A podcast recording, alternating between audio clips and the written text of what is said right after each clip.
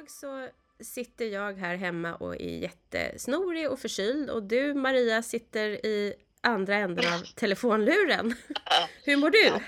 Jo, men jag, jag är också lite snorig, men jag har gjort massa covidtester och sånt, men jag är på hemlig adress, håller jag på att säga. Men, men jag sitter på en toalett eh, på ett kontor.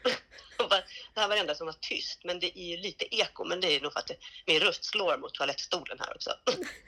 Alltså, jag sa just det att vi har så lyxig tillvaro. Här sitter jag ja. uppkrupen med toarulle i sängen och, eh, och du ligger på ett toalettgolv. Men eh, mm. vi kör ändå helt enkelt. Ja. Mm. Ingenting kan stoppa oss. Nej, nej. Och våra följare är så himla härliga och lyssnare för de är så, de, de står ut med allt sånt här. De tycker att det bara är lite mysigt. Ja. Vi behöver inte vara så jävla perfekta i kanten och ha någon fin studio. Vi kan sitta och ha det så här. Ja, det blir intimt och bra. Och sen kan vi säga, vi har, vi har ju bestämt att vi ska ha, köra en live nu också. Ja, mm. så... det blir ju 20 februari. Nej, vänta. Jo, det var det ju. Nu är jag inne på januari här. Jag är tvungen att dubbelkolla. Jag skulle också kolla vad folk har sagt. Mm. Eh, Okej, okay. vilken tid skulle vara bäst har jag frågat här. Och då är det nej, 91 procent säger 17. Ja, men då, då blir det 17 helt enkelt. Ja, 9 procent sa 16. Nu är det bara 160 personer än. Men å andra sidan känns det som att det är övervägande eh, klockan 17 då. Ja.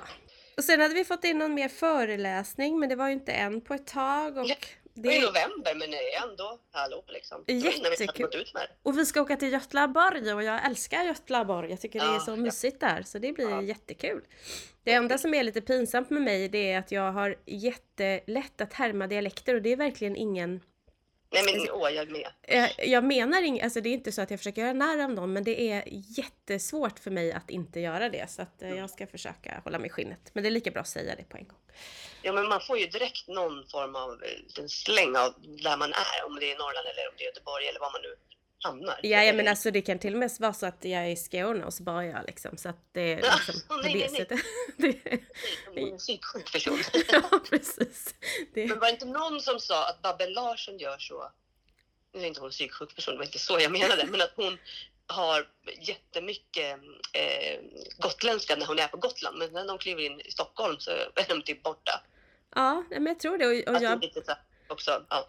Jag blivit förvånad över en del skådisar som mm. liksom är skåningar. Så när jag pratat med dem eh, eh, ja, inför kanske någon inspelning eller någonting så pratar de skånska men man ser ju aldrig att de gör, har gjort det i, i filmer. Men Nej. nu tycker jag att ändå att man har blivit bättre på att nu får folk ha sin dialekt faktiskt. Ja men precis, det är faktiskt ingen...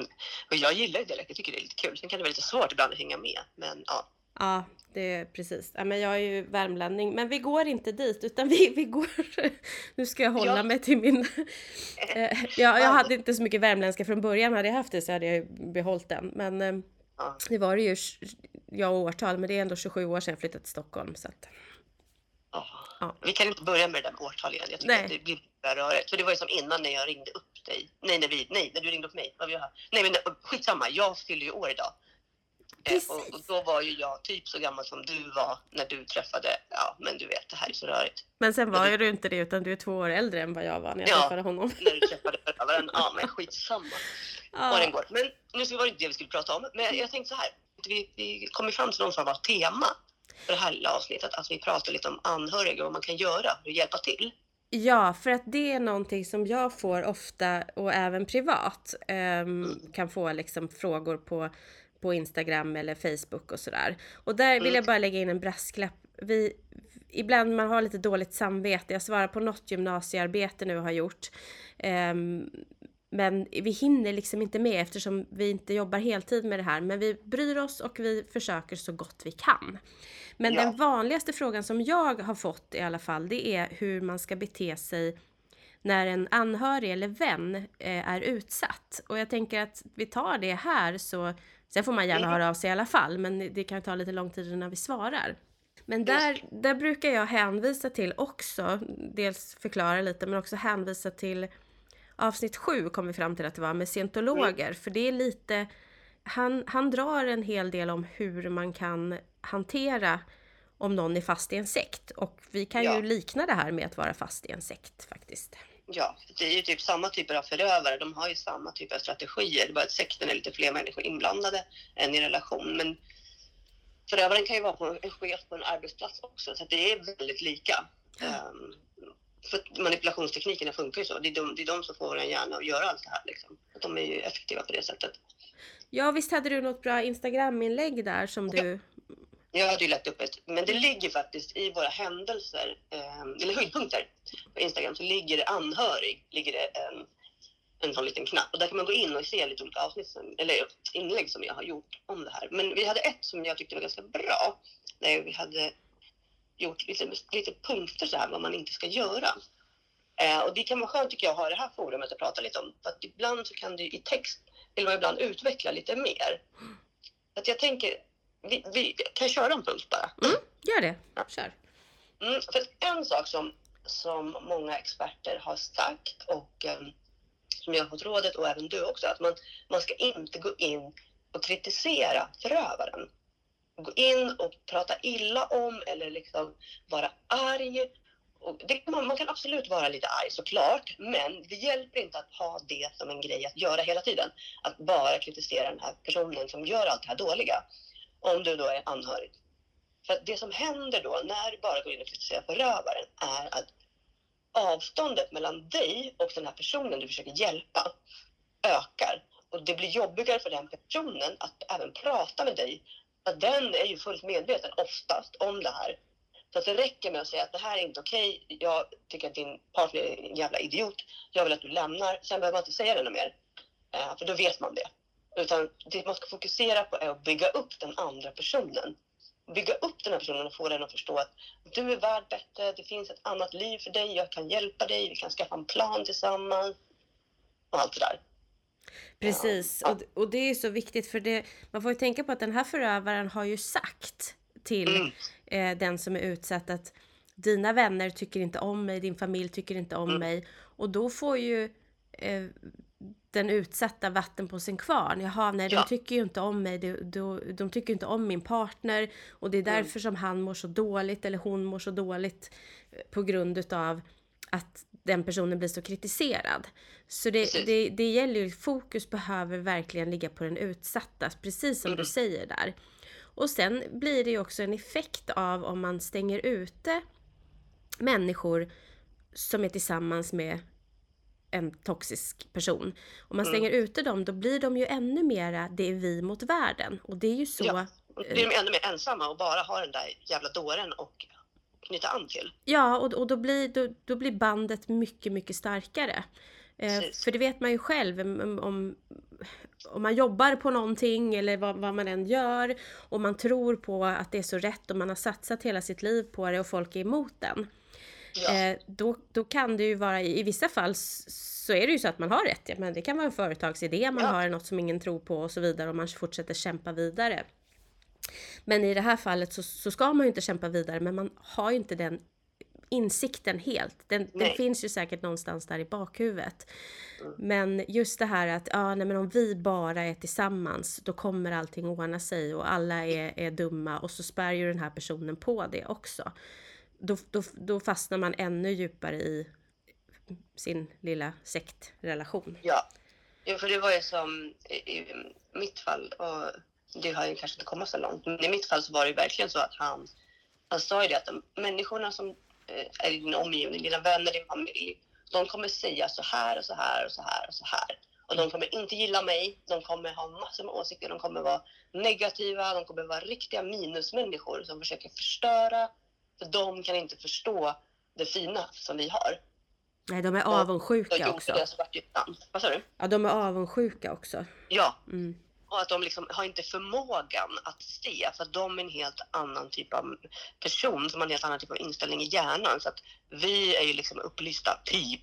Det lät lite religiöst, men när, så där och då så var det så här, oh, nej, men det kanske är så. Han var ju väldigt annorlunda gentemot alla andra jag har träffat.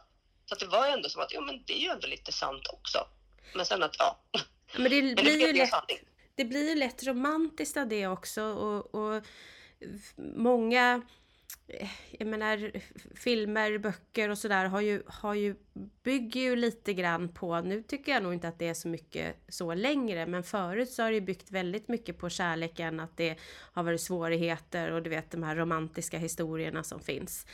Mm. Um, så vi kanske är lite uppfödda med det också. Ja. Um, men jag tror, att, jag tror verkligen att det håller på att, att förändras. Mm, jag hoppas det, för det, det, är, det är en så stor illusion. Och det är väl därför just det rådet är så viktigt. Jag vet, jag hade en, en utsatt, hon sa det att hon tycker det är så svårt att prata med sina vänner för de alltid, de liksom fäller alltid kommentarer om hennes man och de är alltid så arga och de tycker bara att hon är en idiot som inte lämnar och hon bara, alltså, jag vill inte knappt prata med dem längre. Och då har ju förövaren lyckats. Det är det som blir liksom tyvärr eh, resultatet. Och, och sen har du ett uppdrag som anhörig och vän också som är väldigt, väldigt jobbigt i den här situationen och det är att du alltid måste vara the better person. Ja. Jag, jag var ju, hade ju det här i min närhet för ett par år sedan själv, liksom då mm. en person i min närhet hade en relation med en person som inte var bra. Mm. Och att då hela tiden istället för att kritisera den personen visa att eh, vänskapen med mig och oss andra och vi, vi är normala, vi gör så här. Gjorde ju att eh, den här personen lämnade ju till slut. För att hon insåg ju att det här är ju inte jag. Det här är ju inte vad jag står för egentligen. Men hade jag gått in och kritiserat eller vi gått in och kritiserat och sagt att fortsätter du vara tillsammans med den här personen då kommer inte vi vara vän med dig och så vidare. Då hade de kanske mm. varit ihop red, liksom, fortfarande nu. Ja. Tror jag. Och det är jättesvårt för man vill ju bara säga är du helt dum i huvudet? Ser du inte vad den här människan gör? Det, det, men gör inte det, säger jag. Nej, det, det kallas manipulation. Liksom. Ja. Det är därför man Ja, även om man ser det så har man tusen och en, en olika anledningar till det.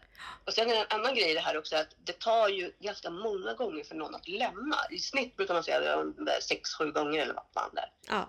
Och då är det också så att varje gång den här personen då har gjort ett försök att trilla tillbaka så är det också viktigt att man fortsätter peppa, pusha och, och, och säga okej, okay, vad var det som gick fel den här gången? Hur kan vi göra det nästa gång bättre? Och så vidare, och så, vidare så att man inte liksom börjar skuldbelägga redan där då känner den här personen sig ännu mer misslyckad och då är risken att de inte ens försöker lämna igen.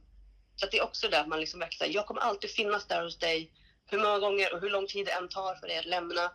Jag finns där och vi har en plan, liksom, allt det här bla bla bla. Ja, då får man höra att eh, personen i fråga har ju ändrat sig och blivit bra och mm. så vidare. Och det ska man ju naturligtvis inte gå på för oftast så är det ju inte så. Det kan mm. säkert hända men jag det är, det är väldigt sällan. Ja, eh, det är ju det. Men, men gå, gå, inte på det, men gå inte på så hårt heller och säg att du har fel. Utan lyssna bara så här, ja, och så, så börja prata om något annat kanske. Mm. Och visa att du finns Ja, men blir det någonting igen så vet du vart det finns. Oavsett mm. hur många gånger det tar. Skulle det vara så att, att det här händer igen, tveka inte höra av dig. Och sen försöka föra in diskussionen på som sagt att bygga upp den här personen. Ja men det här intresset du har eller det här nya jobbet. Eh, du är så himla duktig på det här, du kan ju det här. Mm. Bygga, bygga, bygga, bygga. Och, och det... Ja... Förlåt. ja. ja. Men så att de blir självständiga liksom. det är det de andra, men förövarna har ju så stor kontroll så att man verkligen försöker hjälpa dem att hitta sig själva bygga sig själva och klara sig själva framför allt. Ja.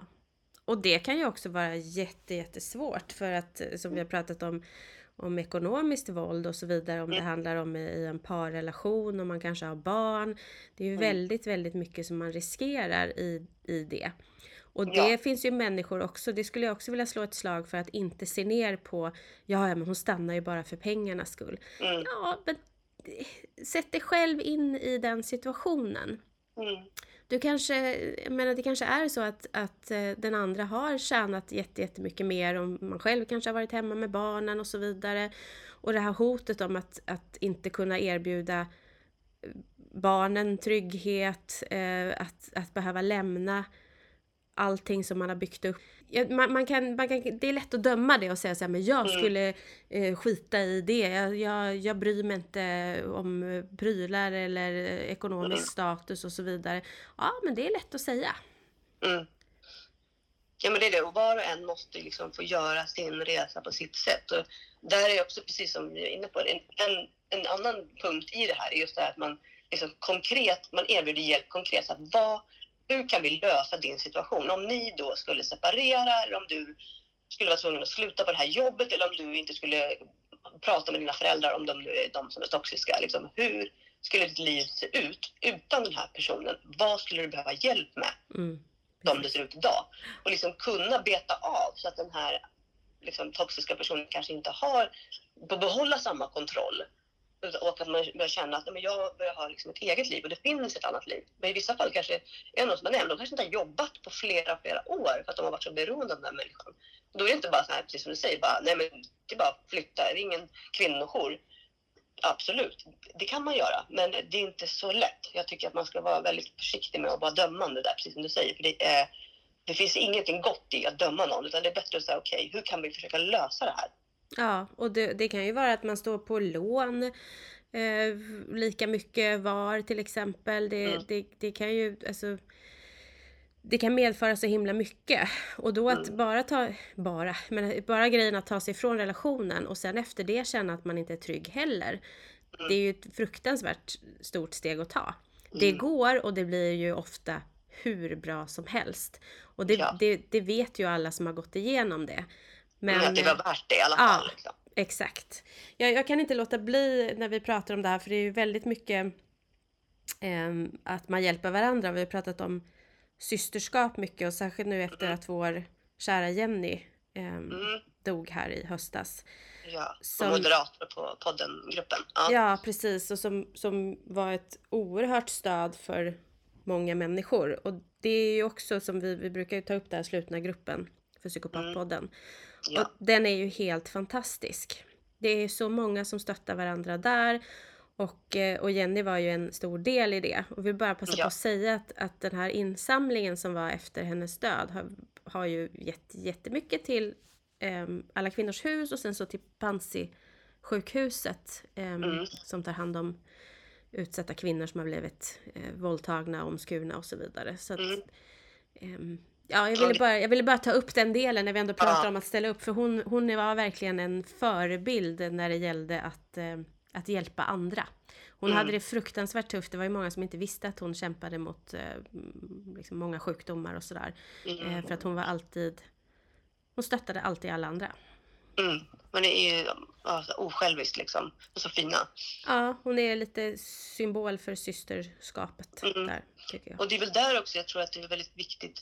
Och man får hedra henne lite i det här. Liksom just att man bara Alltså när, man, man börjar sträcka ut handen, man kanske kan gå med i en sån här grupp lite anonymt. Och, för det finns många som har gått igenom det och kan hjälpa och stötta och finnas där. Mm.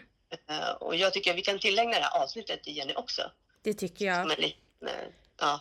Hon var ju en stor del när, när jag lämnade vår psykopat. Mm. Eh, och hon sa ju det till, hon sa ingenting under tiden som vi, nu var det ju väldigt kort tid som vi var tillsammans mm. men, men jag vet att hon skulle, hon brukar komma upp till mig på julen och jag sa att det, det, det funkar inte nu. Och det berodde ju på honom och hon sa att mm. ja, jag, jag väntade ju på att du skulle höra av dig för det kändes inte som att det var dig jag pratade med när jag mässade och när vi pratade i telefon och så. Mm. Hon märkte ju av det men också bara fanns där. Jag tittar mm. tillbaka med massa gulliga meddelanden och visar att hon det var en perfekt symbol för hur man ska göra. Inte att hon ringer upp mig och säger men vad fan är det som händer? Vad är du ihop med för någon idiot mm. egentligen? Utan mer bara liksom positivt gentemot mig och min dotter och allting sånt. Det var... Och så kunde vi prata om det efteråt och hon kunde också vara med och eh, vad heter det, jag tappar ord här, jag skyller på förkylningen. Eh, nej men att bekräfta mig i, mm. i olika saker som jag hade sagt där att ja men det där är inte riktigt du och så vidare på ett väldigt fint sätt faktiskt.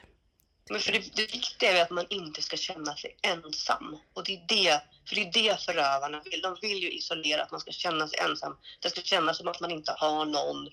Och det är då sånt där blir så himla viktigt. Ah. Och såklart så kan man få vara arg som vän och bara liksom dra åt helvete med den där jävla galningen. Absolut. Men det hjälper inte att fokusera på det. Så att, alltså istället bara vara en trygg, lite som Jenny där, och bara vara trygg och finnas där och visa att här är, världen finns här liksom. Vi, vi går ingenstans. Nej, och det tror jag också. Det finns ju så mycket. Det tog ju du upp i, i Instagramflödet lite om ensamhet här för ett tag sedan. Mm. Och ja. det är ju många som är ensamma som kanske har isolerats och, och, som du som kom in i den här relationen väldigt tidigt. Mm. Men det som är så positivt, med hur många vänner har inte du idag att umgås med? Det är mm. aldrig mm. för sent. Man, man kan mm. tro att till exempel när man är över 30, över 40, över 50 att ja, men jag har inga vänner. Men det går att skaffa nya.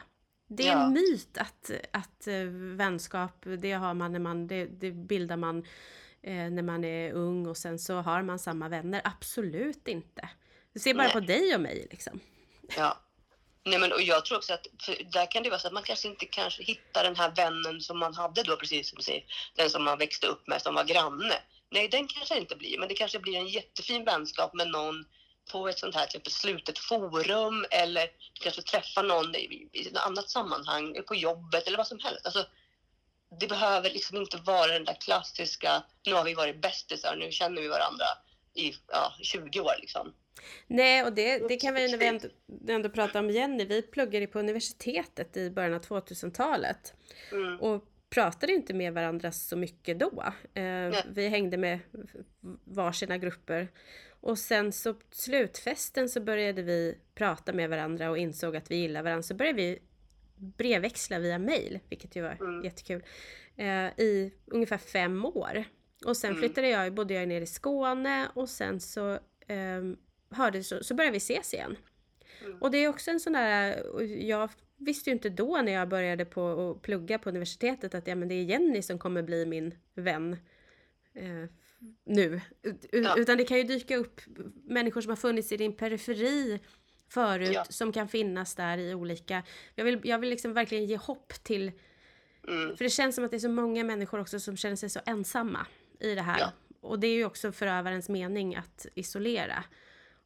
Verkligen. Det, då, då lyckas de ju också. Så att man vill ju verkligen det är på något sätt det är deras kryptonit. Ja. Om personer känner sig ensam, då är det svårare för dem. Och det är väl därför också som ett av de här råden eh, som vi även var, det var att man, om man är anhörig, då ska man försöka bunta ihop sig med andra anhöriga till den här personen för att få mer ork och styrka. Så att det är just det här att man får hjälpa varandra, att man hittar kanske då någon annan kompis eller någon annan släkting eller någonting som också vill vara med och hjälpa till. För att det finns så mycket kraft i man kan liksom avlasta varandra, man kan hjälpa varandra, tipsa varandra. Och, ja, det är någonting med just att man, man liksom, kraften av att man är fler. Det I alla läger i det här nästan är det nästan bättre att vara många. Så, och just framförallt folk som kan förstå och inte skuldbelägga liksom, och som har en helt annan inställning till det. Det är superviktigt. Ja, och bekräftelse kan man ju få utav människor. Ibland så får man inte det utav de som är nära en. Och det är, kan ju vara en stor besvikelse. Men de är helt enkelt okunniga. De, de behöver inte vara elaka utan det kan ju vara okunnighet och rädsla också många gånger. Ja. Eh, runt ja, om det här. Det, det, är inte så lätt att vara anhörig heller Nej. faktiskt. Nej, och man blir ju arg oh. när någon pratar med dem. Jag är så jäkla arg. För jag vill ha tillbaka min vän eller min son eller min dotter och så vidare vad ska jag göra? Jag är skitförbannad. Och sa, ja, det, jag förstår det. Men det hjälper tyvärr inte. Nej, det, där... det var någon som sa att jo, men det hjälpte mig så himla mycket när hon fick höra att en kompis var så jävla fly förbannad. Då fattade hon hur illa det var. Jag bara, men det, okay, det är en sak. Men det är därför jag menar, man kan liksom bara ta ett sånt där raging moment då. Men, och säga det att jag är inte arg på dig, jag finns här för dig, vi behöver inte prata mer om vilken idiot jag tycker att den här personen är. Men ja, bara så, om man nu känner att man vill få ur det systemet. Men det hjälper liksom inte. Man behöver den positiva kraften. Ja, och... mörkret finns så mycket av i den där. Ja men det gör det och sen är det ju det här, för mig var det ju många som hade reagerat men som hade tänkt att ja men du är ju så kunnig inom det här, det kan, nej Linda kan inte vara utsatt för det här, hon nej. har ju liksom Ja, hon är ju 37. och, och, och hon, hon har kommit, hon är på en plats i livet och hon är så stark och så vidare. Mm. Men i efterhand så säger de ju att vi borde ha sagt någonting. Ja, säger jag då. Det, det kanske inte hade hjälpt egentligen, men jag tror att det hade varit bra om man hade sagt någonting. Säg, säg någonting en gång. Ja, visst, ja. du kan ha fel. Det, det, kan vara så att du kan ha fel, men det har inte skadat. Men så länge Nej. du inte vänder personen ryggen, utan kanske bara reagerar, du, jag tycker att han beter sig lite märkligt. Hur mår du egentligen? Mm. Ehm, jag tycker att just det här när han gjorde det, när han hela tiden kommer hämta dig på jobbet och är, dyker upp. Känns inte det konstigt för dig? Ta upp mm. det så. Och sen ja. Behöver inte vara så mycket mer. Och då vet man i alla fall att någon bryr sig, någon ser och det kan ju väcka en liten alarmklocka Just, någonstans. Som du säger, att man uppmärksammar att det är någonting som är lite knasigt här. Och och där har vi haft också en sån här grej att vi så här, men rekommenderar dem att bara läsa på vårt Instagramkonto och bara kolla igenom alla feeds. För börjar man känna igen sig skitmycket så är det liksom, det kan vara ett tydligt varningstecken. Och många, då, för dem blir det ju mer tydligt när de får se andra som skriver exakt samma saker ja. med samma ord. Och bara, men gud! Och det kan vara tio personer, det kan vara 15 som skriver, det kan vara liksom en hel jävla hög människor. Um, så där kan det också vara så, om du som anhörig känner liksom att men du har inte så mycket kunskap i det här, att du liksom försöker både liksom lyfta in personen, kanske man går till en kvinnojour eller mansjour eller whatever och försöker få någon form av lite professionell hjälp. Men också bara förse dem med kunskap som att till exempel dela vårt konto eller be dem lyssna på podden eller vad som helst. Liksom. Det finns ja. massa olika också. Man kan ju kidnappa någon positivt också för man kan ju ha en myskväll med den personen om man lyckas få den personen ifrån förövaren. Ja. Och så kan man ju välja valfritt eh, avsnitt, vi beskriver ju avsnitten. Och, ja. eh, och lyssna på dem. Till exempel då avsnitt sju och så kanske ta det här avsnittet eller någonting. För då, då tvingas ju personen höra. Man kan ju säga själv, jag tycker det här är så himla intressant. Eh, för att eh, det är... Man gör en tacokväll och hyr film men så sätter man på podden istället. Ja. Så gör lite ja, reklam för oss själva. Men jag vet att det är många som har, som har blivit hjälpta av att höra det. Och man kan skicka de här avsnitten hur mycket som helst. Det är inte säkert att, få, att de här utsatta människor vågar ens ta upp det och lyssna på det. Nej. För att telefonen kan ju vara, jag menar, han kanske har alla inlogg där, eller hon. Eh, ja. och, eh, eller hen, eller whatever. Eh, så ja. jag försöker vara könsneutral här. Så att, så att du kanske behöver göra det i din trygga vrå någonstans, där det inte ja. lämnar några spår. Men för där är också, det är också en punkt i det där också. Att tänk på att den här personens telefon kan vara avlyssnad eller att personen måste lämna den framme och inte får låsa den. Och att varenda sms kommer upp. Så att det är bättre att ni tar det face to face. Försök att hitta Sen, kanske, kan, kanske kan få en myskväll. Eller ni kanske bara kan få ta en liten fika någon dag. Eller du kanske bara kan skriva om massa positiva saker. Eller försök i alla fall inte liksom ge förövaren någonting som den kan hacka på. Nej, och, är det illa... Som kan vara liksom farligt för den här personen. Så att du liksom på något sätt försöker nämna att den, den kanske försöker lämna eller någonting. För det kan ju bli på riktigt farligt. Ja, för är det illa och du misstänker det, då ska du inte skicka någonting eller säga någonting ens när du ringer eh, om det här. För att eh, det, det, finns ju appar som avlyssnar och, och, det kan vara så att den här personen bestämmer att du får bara svara på högtalartelefon. Och då mm. kan det bli katastrof. Så att ja. säg ingenting överhuvudtaget i luren och när ni ses om det är så att personen vet att, att den är i, ett farligt, i en farlig relation och försöker ta sig ur. Så mm. hitta lite kodord eh, mm. till det. Att, ja, så här, för att kolla om, om kan vi prata fritt så kan man ju så här, har du sett den här senaste filmen? Ja, säger personen ja, då är, person, då är den toxiska personen i närheten, säger den nej så, så går det att prata fritt till exempel. Ja. Ja, för det är jätteviktigt för att det, de här människorna är ju så duktiga på också att, att liksom övervaka en utan att man ibland tänker att men, det är inte det de gör. Men det är precis det de gör. Så att de försöker liksom hitta, de kanske inte alltid utger sig för att vara så här, men jag avlyssnar inte dig, utan som förövaren i, i mitt fall, och i vårt fall, han var ju så här, han tyckte inte om koder på någonting. Nej. Nej, såklart. Nej. Och det behövde man inte ha på någonting, för det var ju liksom, det, det fanns liksom ingen, ingen anledning i en relation att ha koder. Man bara, nej okej, okay. jag kände bara såhär, men jag har inget döljas, I don't care. Men så här i efterhand, man, man har ju inget privat då heller. Men det är ju det som var meningen. Ja, det var ju det och, och det där, jag kan inte liksom döma, det, kanske, det finns säkert friska relationer där man delar allting, men jag ja. är ju en väldigt frisk relation nu. Um, men jag vill inte att han ska gå in i min mobil för det. Jag har ju mina privata grejer där. Jag, han har ingenting där att göra och jag har ingenting att göra i hans grejer heller. Nej. Så att, men det kan ju vara vad som helst. Det kan ju vara en väninna eller någon, någon kompis som skriver någonting jätteprivat. Det vill man kanske inte heller att den andra personen ska läsa. Så att det, även om inte du är någon rysk spion eller har någon affär. Alltså det är så här, man, man, måste få kunna ha privata grejer om man kanske bara vill ha privata samtal. Ja, men jag tycker att folk som hör av sig till mig ska veta att det är bara jag som som ser det. För det är mig ja. de har hört av sig till. Annars så väljer de att inkludera fler. Så mm. jag, jag tycker inte att man Nej. verkligen inte behöver dela allting. Nej. Det, ja. inte, inte bli tvingad till det i alla fall. Nej men precis, och då ska man ju vara för att man känner själv att I don't care. Men, nej men jag, jag alltså det är ju en tydlig sån där, det är också ett varnings att man känner sig övervakad. Ja. Och, och, där då så får ni som anhöriga då tänka på det, att den här personen kan faktiskt på riktigt vara övervakad. Um, och att försöka få ett tillfälle att ses själva kan vara extremt svårt. Men, ja, det, ja, men det, det, är ju ja. det och det, det, här låter ju lite ibland som en spionroman. Man tänker men så här illa kan det inte vara. Det var ju därför jag mm. liksom, bokade möte med med din kille istället för dig och, och i början. Ja, Man... det var därför han träffade dig i en, en offentlig restaurang på ditt jobb. Ja, exakt. Och, med sin snubbe liksom. Ja, ja, precis. Så kommer livvakter in. Det var ju då jag bröt ihop och tänkte, jaha, så här farligt var det. Och när vi mm. inte fick ut polisutredningar och så. Det ja. låter lite som en Salander-story, men det var faktiskt så. Ja, men de kommer ju oftast från någonting, alltså de här så, filmerna också. De kanske inte alla komponenter finns med hela tiden, men liksom, inslag är definitivt med i det verkliga livet också. Så man måste tänka på det. Och det kan vara svårt också för en anhörig som kanske inte... Man har liksom in, ingen aning om att det kan vara så här. Och då blir det också konstigt att tänka sig det. Så man måste försöka liksom, se situationen från, utifrån och verkligen säga okej, okay, det här är nog någonting helt nytt som jag är med om nu. Och sen så blir ju oftast eh, människor som är utsatta för, och där, där är det faktiskt oftast kvinnor, blir beskyllda för att liksom skapa så mycket drama. Och jag är så trött på det, det är inte det man gör. Det är inte, det, det är hela tiden att fortfarande att folk, ja men hon var ju sådär, var ju ihop med den.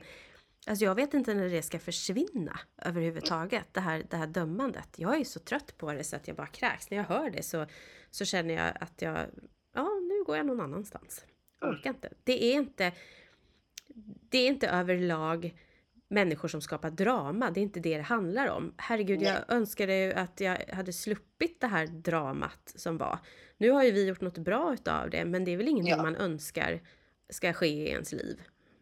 Nej, och det är ju samma som den här klyschan att man man eh, anmäler någon för att bli känd själv och få pengar. Ja, nej men, ja det är så. Där blir man bara, det är liksom så här, ja, det kanske finns 0,01 procent som skulle göra något sånt, men de flesta människor är på riktigt utsatta av en jävla idiot som de försöker liksom, ja, ta sig ifrån på olika sätt. Och, och på det så kan vi väl komma in på, på din bok lite grann, för den släpps i mars nu va? Eller? Ja. Mm. Och det är ju jätteintressant, för det är just det här att jag kommer ihåg när vi började träffas så hade du börjat skriva på den redan. Um, har jag för mig, eller i alla fall antecknat eller ville börja. Ja, jag hade börjat med några sådana stories på driven och lagt in lite liksom. Försökte på något sätt, jag vet inte. Det var väl också något, någon form av pussel jag försökte lägga så jag skrev lite olika grejer och sen helt plötsligt så kände jag så här, men gud det här det här blir ju en bok och sen så men gud, men då måste jag ta med det här också från de här anteckningarna. Så bara, hade jag helt plötsligt två böcker, men sen bara, nej, men jag kanske kan slå ihop det då. och så vart det så. Ja, jag tycker det är jättebra i alla fall och jag vet ju det när du frågade om jag ville vara med och skriva då sa jag nej du får intervjua mig istället för att din story ja. är så så det skulle blivit spretigt om vi båda hade lagt in det. Jag tycker din historia är så bra och den är ehm, jag har ju då fått äran att läsa utkastet till den. Ja. Mm, så att, eh, jag tror ju verkligen att, att man kan bli hjälpt av att, eh, att läsa den och att den hänger ihop i och med att den handlar om dig och den handlar om saker och ting som, som hände dig när du var liten och, och allt. Eh, jag ser verkligen fram emot att läsa den färdiga boken sen. Ja, jag känner att det, det kommer bli så sjukt eftersom man har pratat om den där så länge som att den är något som bara hängt med. Och sen helt plötsligt ska den liksom komma ut och bli färdig. Ungefär som att jag har gått runt och varit gravid i fem år. Så nu kommer ut något barn. Ja. Och man vet ingen aning om hur den kommer bli mottagen.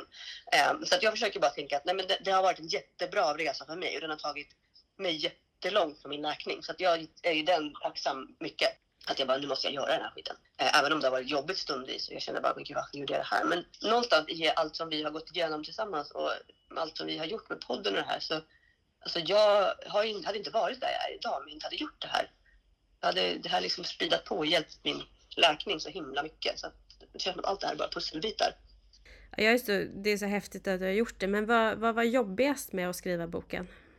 Alltså det jobbigaste var nog när jag var tvungen att gå in i känslor och beskriva dem på ett helt annat sätt än vad jag först tänkte att jag skulle kunna komma undan med att beskriva dem. För att jag var lite så här, jag försöker ju ändå förklara liksom hur det känns, men Men min förläggare var såhär, nej du måste in i känslan och verkligen beskriva. För att en människa som inte haft en panikångestattack samtidigt som någon slår dig, de vet inte hur det känns. Du måste ta med dem in i den känslan. Typ.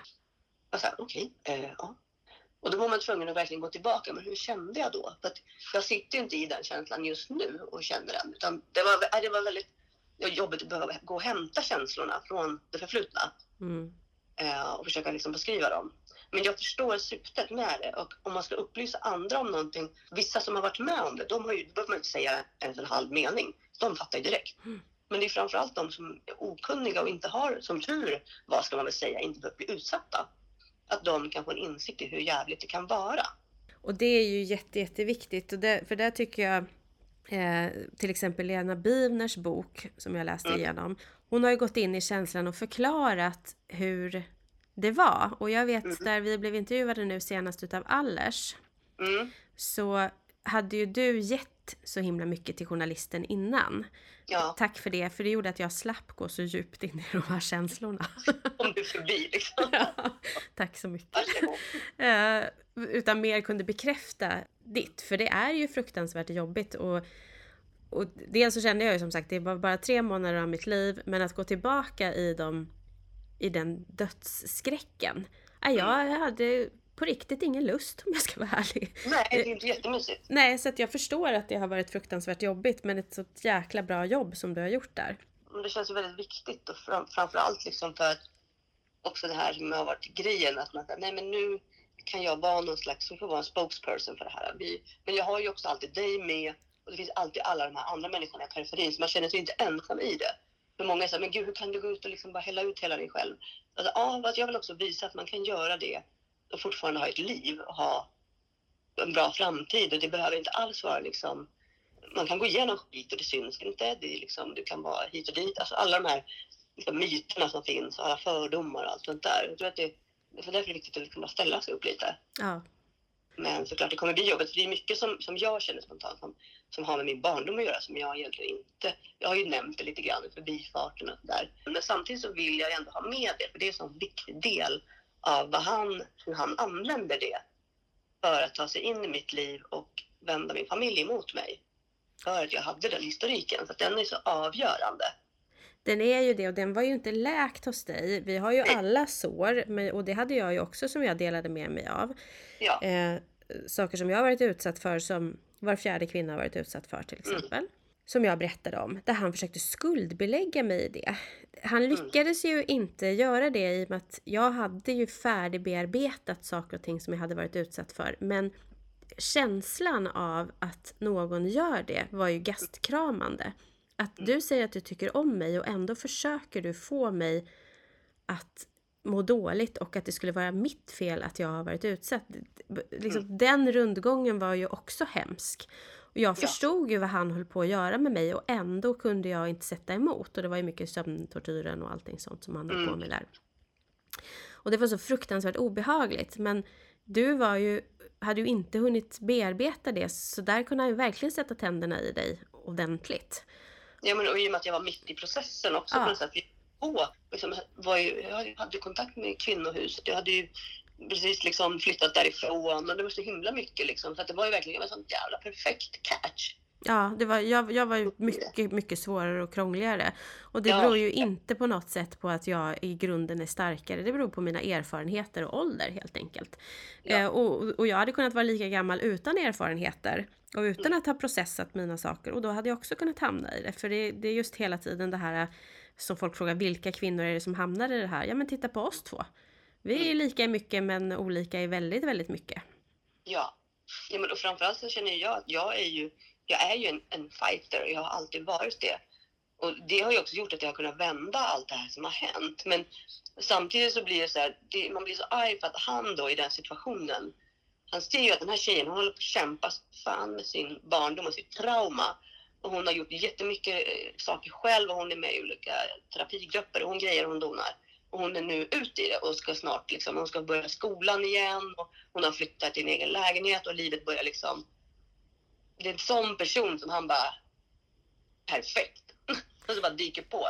Alltså det blir så här, tänk om jag bara inte hade träffat honom där. Då hade, men samtidigt så hade jag inte suttit här och pratat med dig och haft en bok på gång. Så det får vara så nu då. Ja men det, det, det är de erfarenheter man har och det, det är ja. också så att säga att hade du inte varit en sån fighter så hade du inte varit intressant för honom heller.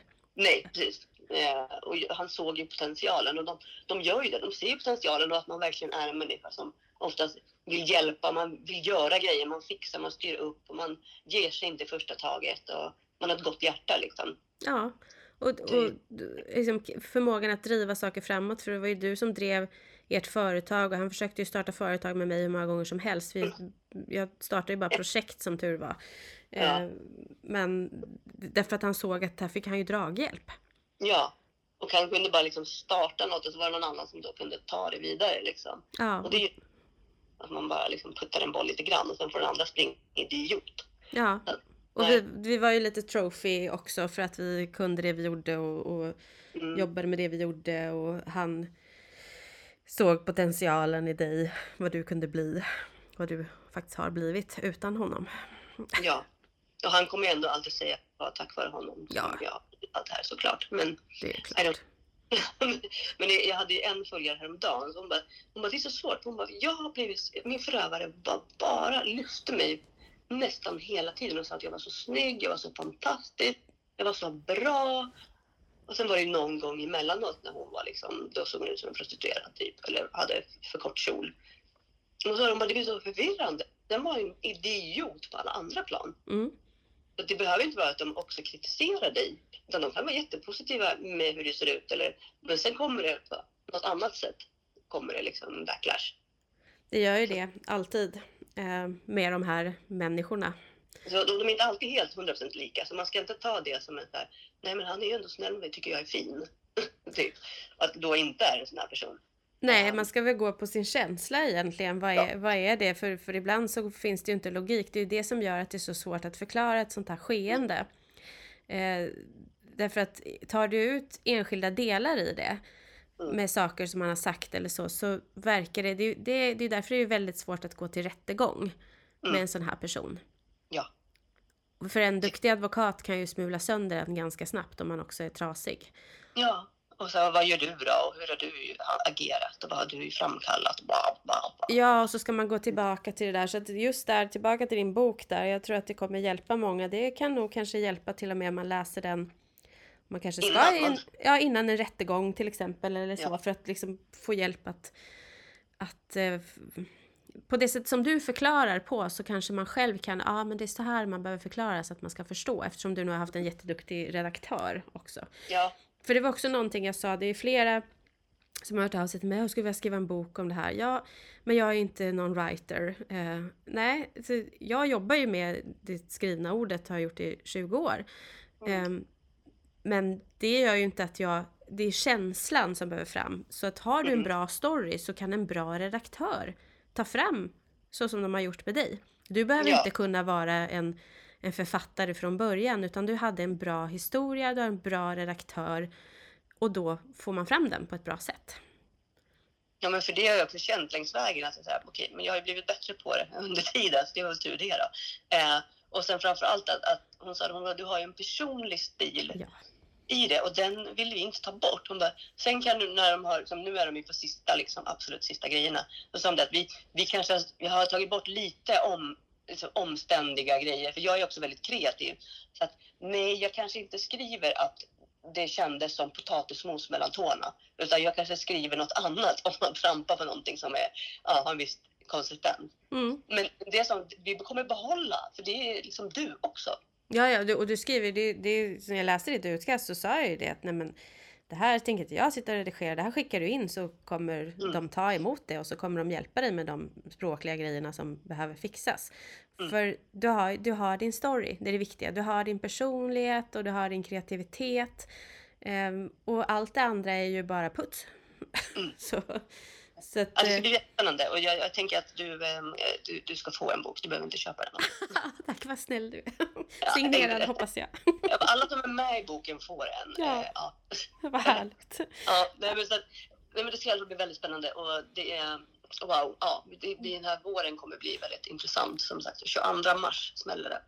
Ja det är häftigt men det, det, det är just det som jag säger att jag också fått den här frågan om att jag skulle vilja skriva om. Då säger jag skriv. För även om det inte blir en bok så skriver du av mm, dig. Och, och mår bra utav det och eh, tänk inte på eh, liksom, språket och hur du uttrycker någonting utan bara skriv från hjärtat. Och så får det ja, bli vad det blir. Jag gjorde så att jag, liksom olika, jag skrev ju på två olika grejer först. Ja. Sen blev det i samma bok. Så att du bara, har du lite olika idéer men skriv dem på lite olika papper. Det är ju strunt samma. Ja. Och så kommer du få ihop dem, så kanske det blir en. Ja men precis. Och det, det, att, att just att skriva av sig är ju perfekt och vissa sysslar med musik eller gör något annat. Man har alla olika uttryckssätt. Men mm. bara tänk inte på att någonting behöver vara perfekt från början. Och, och gör det också för din egen skull. Så kommer det bli jätte, jättebra. Ja, det är bra tips tycker jag. Och det kan man ju säga till liksom alla alla anhöriga där ute. Så det, samla så mycket kunskap du kan. För att då kommer du kunna också hjälpa på bästa sätt. Att försöka läsa på och försöka liksom se det som att okej, okay, nu behöver jag plugga på det här. För det här är fan riktigt. Manipulation är ju som ett ö, ska man säga så här, överkurs i psykologi. Som man måste liksom förstå innan man går in och börjar greja med någon. För att det kan göra ganska mycket mer skada istället. Så det är mitt tips. Ja, absolut. Eh, som sagt, avsnitt sju där, jättebra att börja med mm. när det gäller manipulation, sekter och allting sånt. Jag tyckte det var, bara kommer tillbaka till det hela tiden, men jag tyckte det var så klockrent eh, beskrivet. Scientologerna och eh, toxiska personer. Ja, och där kan man ju verkligen kolla på alla, många som har rekommenderat den här Knutby eh, också. Mm. Just det är liksom så där det funkar, fast det är lite olika skalor bara. Det är liksom antingen mer eller mindre personer eller ja, offren är man eller kvinna eller det är liksom hen och så vidare. Så det, det, finns, eh, ja, det finns väldigt mycket att hämta i tekniker och strategier och hur de jobbar med känslor. Ja, och sen tycker jag bara så här grund, grundinställningen, grundsaken i universum, bla bla. Var mm. snäll. Ja, det kommer du tillbaka till. Jag gillar det. Ja. Jag gillar att du kommer tillbaka till att vara snäll. Men jag tycker det är bra. Ja. Och är det något som inte är snäll, då är det någonting som är fel. Ja, och, då, och, det, och, och vet du inte riktigt hur du ska hantera det som anhörig och så vidare, så ja, men var snäll bara. Mm. Mot den ja, som är utsatt. Det... andra som du kan få svar på dina frågor ifrån. Liksom. Så att du inte behöver gå runt och fundera själv och tro att du ska knäcka en gåta som är assvår. Nej. Nej. Ingen ensamhet säger jag. Det tycker jag var väldigt bra sagt också. Vi avslutar med ingen ensamhet. Ja, vi gör det. Följ oss på sociala medier. Eh, vi heter ju ofta Psykopatpodden överallt. Och vill ni specifikt prata med Linda så är det bättre att ni eh, mejlar till kontakt psykopatpodden så skriver ni Linda med stora bokstäver. Eh, för den, den plingar ju till ja. även henne. Eh, annars kan jag självklart vidarebefordra någonting. Men eh, mig kan ni oftast träffa på Instagramkontot för jag sitter där har ibland lite för mycket tics och sitter där alldeles för ofta. Mycket, men jag ska försöka bli bättre på det. Och som sagt, min bok kommer 22 mars och vi kommer vara med i Allers. Visst är det Allers? Ja, ja det är Allers. alltså, jävla oklart. Ja, man heter dem inte allas. Jag blir så förvirrad av det, förlåt. Ja. Men det kommer till våren och jag vet inte vad våren är, om våren är mars, april. Men såklart kommer vi skriva ut det i våra sociala medier. Mm. Kontot fortsätter som vanligt och vi försöker hjälpa så många vi kan på vägen. Och tack Linda för att du är med mig. Ja, och tack för allting du gör. Jag tycker vi har ett eh, alldeles utmärkt samarbete och eh, mm. jag vet inte vad jag skulle säga. Jag får ursäkta, man är lite snurrig utav den här eh, covid-köret alltså, helt enkelt. Ja, Ser fram emot alltså, en ljus vår. men jag tänker så här, du skickar mig filen. Ja, det... Och så kommer jag lägga upp den idag på min födelsedag. Det är väl ändå lite trevligt? Det är ju underbart faktiskt. Det blir lite kul, det ja. gör jag. Ja, gör det. Du, har en fortsatt fin födelsedag och eh, stor ja, kram till alla som lyssnar där ute. Ja, kram på er och puss allihopa. Vi hörs! Vi hörs! hej! hej. hej.